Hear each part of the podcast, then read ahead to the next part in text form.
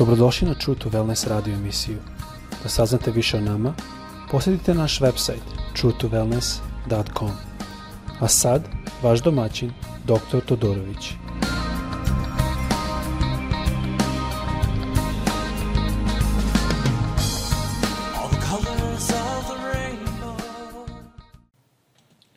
Ljubazni i dobrodošli na naš podcast.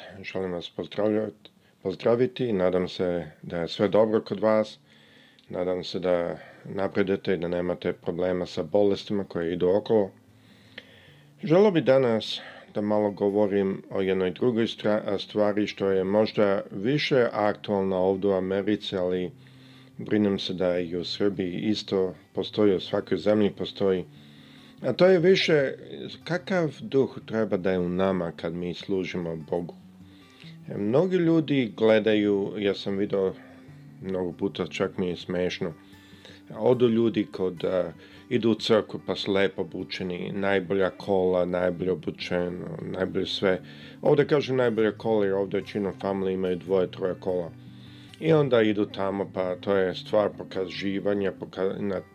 to je sve lepo, ali šta Isus prihvaća od nas?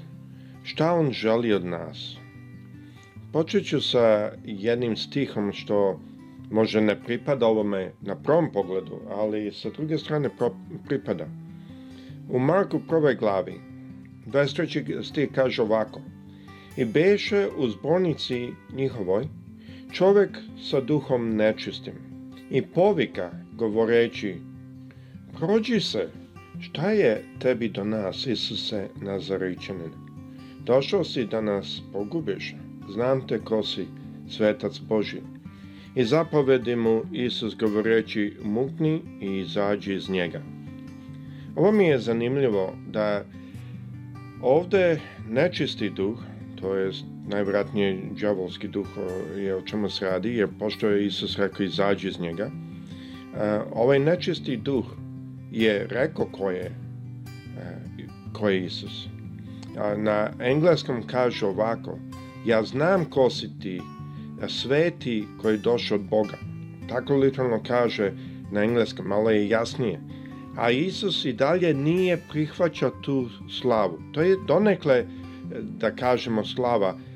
prihvatuje je, taj duh je rekao da je on sin Boži, ali Isus to nije prihvaćao. I onda kad sam, razim, kad sam razmatrao to malo, gledao sam i mislio sam zašto, zašto Isus je toliko strogo pazio, vidimo opet u 34. stihu, e, u isto ovoj glavi, je pazio i učutavo je, nije davo nečistim duhovima e, da kažu da znaju ko je.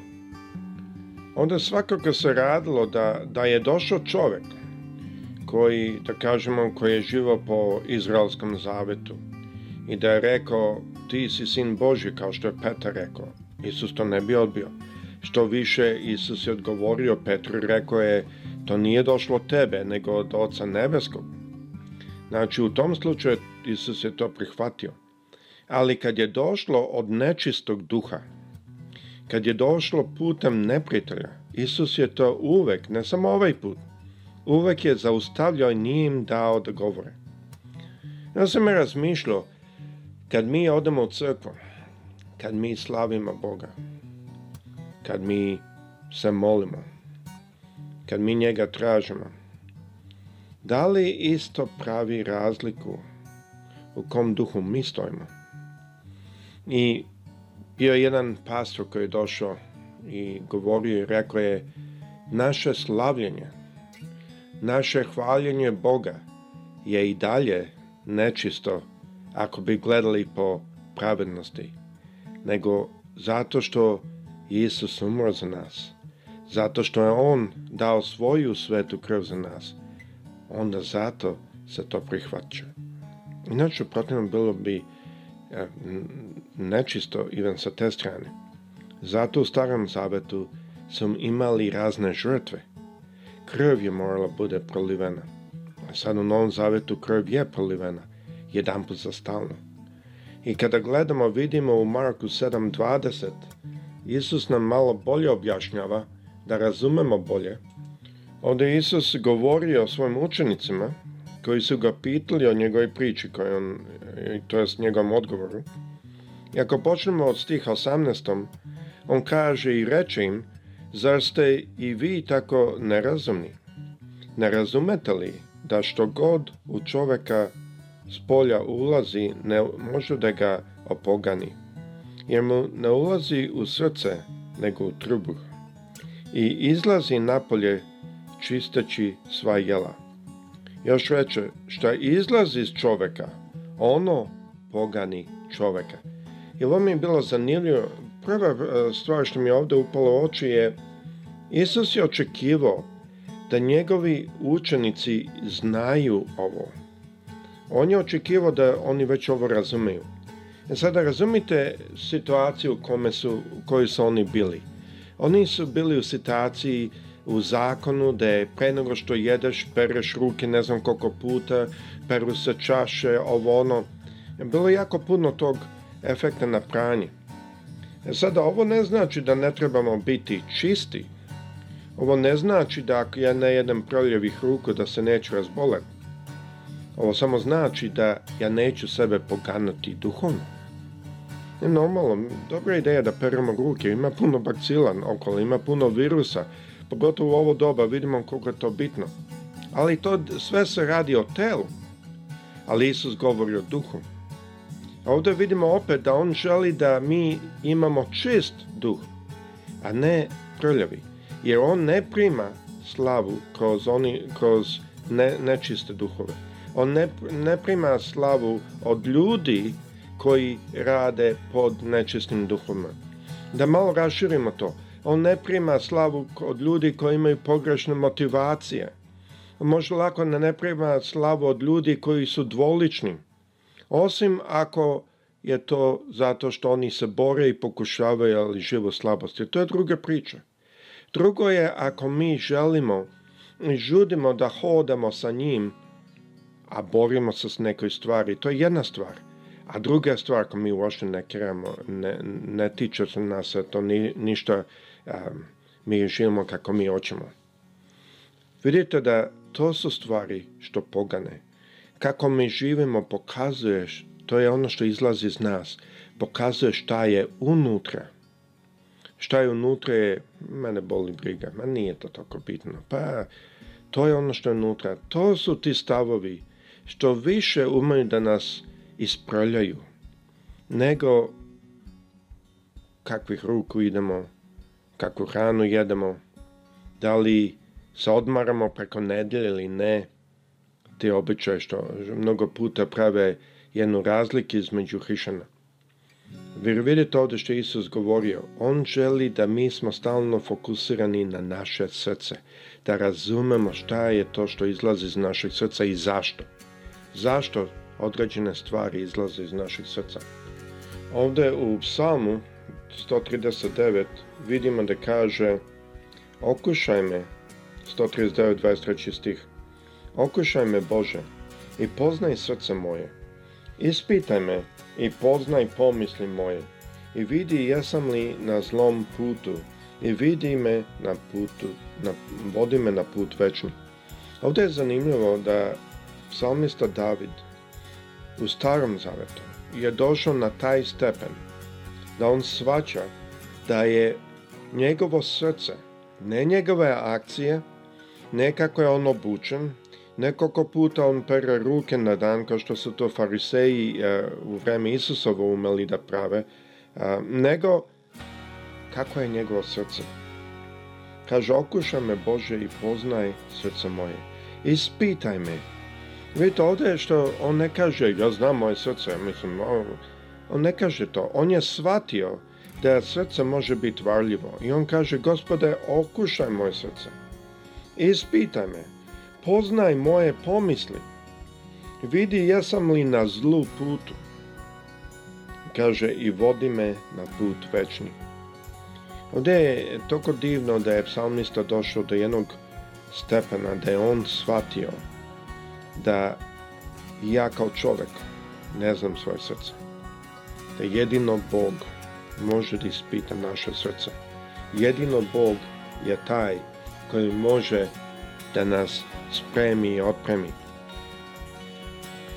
U Rimljanima osmoj glavi vidimo da kaže 27. stih A onaj što ispituje srca zna šta je misao duha jer po volji Bože moli se za svet. Ovdje govori o molitvu, molitvu jezici.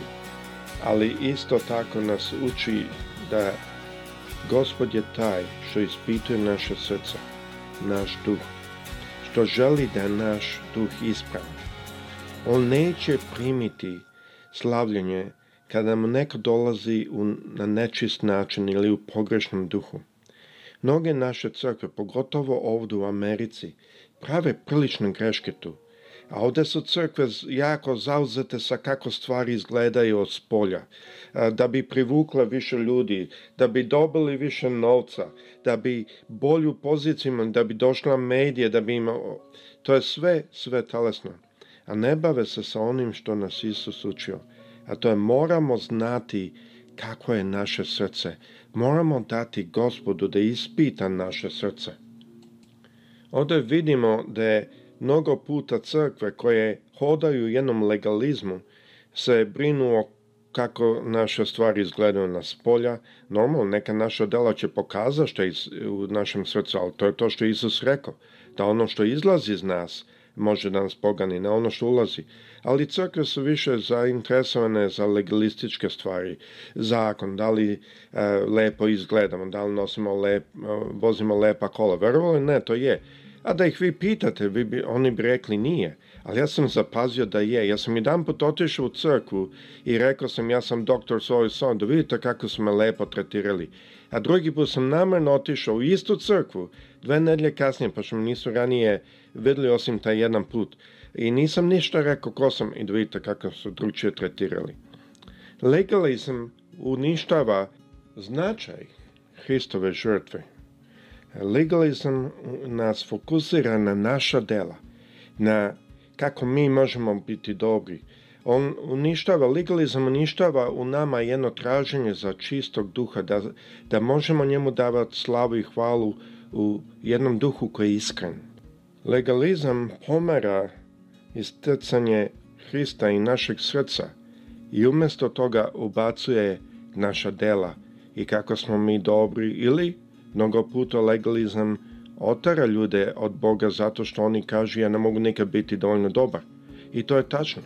Zato Isus želi od nas da se fokusiramo da imamo jedno srce koje je predano, jedno srce koje je čisto. Tako kad mi kažemo ti si sin Boži, da On primi našu slavu, da On primi našu hvalu. Ja se nadam da vam ovo pomogne da sami sebe svi ispitamo i da kažemo kao David što je rekao, dođi gospodi ispita moje srce, vidi na kom je putu, pomogni mi, stavi me na pravom putu. Kao što kaže u psalmu 139 i 23 i 24 stih. nadam se da vam je ovo malo na blagoslov, gospod sa svima vama na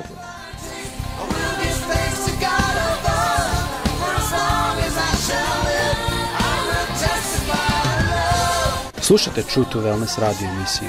Pridružite nam se ponovo svaki utorak, četvrtak i subotu. Za kontakt molimo posjetite naš website www.truetowellness.com Naša e- email adresa je info at